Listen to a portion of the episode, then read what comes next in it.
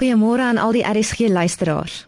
Terwyl ons hierdie week saamgesels oor God se teenwoordigheid, raak ek net so bewus van hoe ons as mense grootliks opgeslurp word deur die aardse dinge. Deur dit wat ons in die hier en die nou besig hou. Ons kan egter nie so besig wees met hierdie wêreld dat ons ons fokus verloor en God se teenwoordigheid mis nie. As ons 'n koneksie met die Here wil hê, dan moet ons tog in voeling leef met God se wêreld. As ons praat oor God se teenwoordigheid, kan ons nie anders as om te leef met 'n bewussyn van 'n ander wêreld nie. Philip Yancey tref so 'n mooi vergelyking tussen ons lewens en die van 'n psalm. Die van julle wat meer van vis af weet, sal dalk bewus wees van hoe 'n psalm se lewe verloop. Nadat hy maande lank 'n doodtevrede kluisenaars bestaan op die rivierbodem gevoer het, begin hy skielik belangstelling toon in die wyeer wêreld.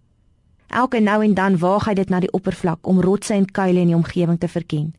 Op 'n dag kies hy agter koers ver stroom af waar 'n uitgestrekte nuwe wêreld op hom wag, die groot oseaan. En soos hy sy nuwe wêreld betree, begin 'n hele reeks liggaamlike veranderings wat met hierdie vreemde gedrag gepaard gaan. Hy word meer stroombelyn, sy skibbe word silwerkleurig, meer hormone word afgeskei en die kie pas aan by die soutwater. Die salm maak gereed om iets te doen wat bitter selde onder varswaterdiere voorkom om na 'n soutwateromgewing oor te gaan. En dan uiteindelik nadat hy 'n paar jaar lank in die soutwater geleef het, swem hy teenstroomversnellings op om terug te keer na die rivier waar hy gebore is. Daar paar hy en sterf dan daarna omdat sy liggaam so aangepas het dat hy nie meer in vars water kan oorleef nie.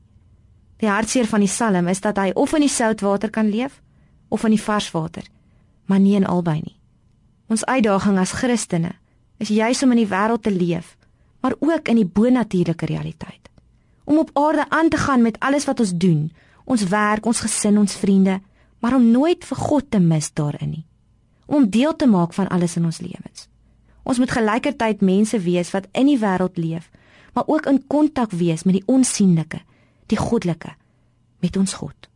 In 1 Petrus 2 vers 11 verwys Paulus daarna dat ons eintlik maar net vreemdelinge en bywoners is in hierdie wêreld. Dis nie ons eintlike woning nie. Ons eintlike woning is by God en in sy teenwoordigheid.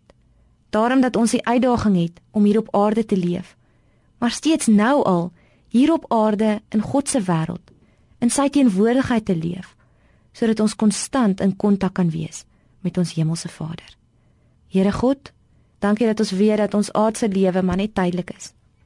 Gee dat ons daagliks in die goddelike teenwoordigheid in die bonatuurlike wêreld ook kan leef en U kan beleef en die heerlikheid ervaar. Amen.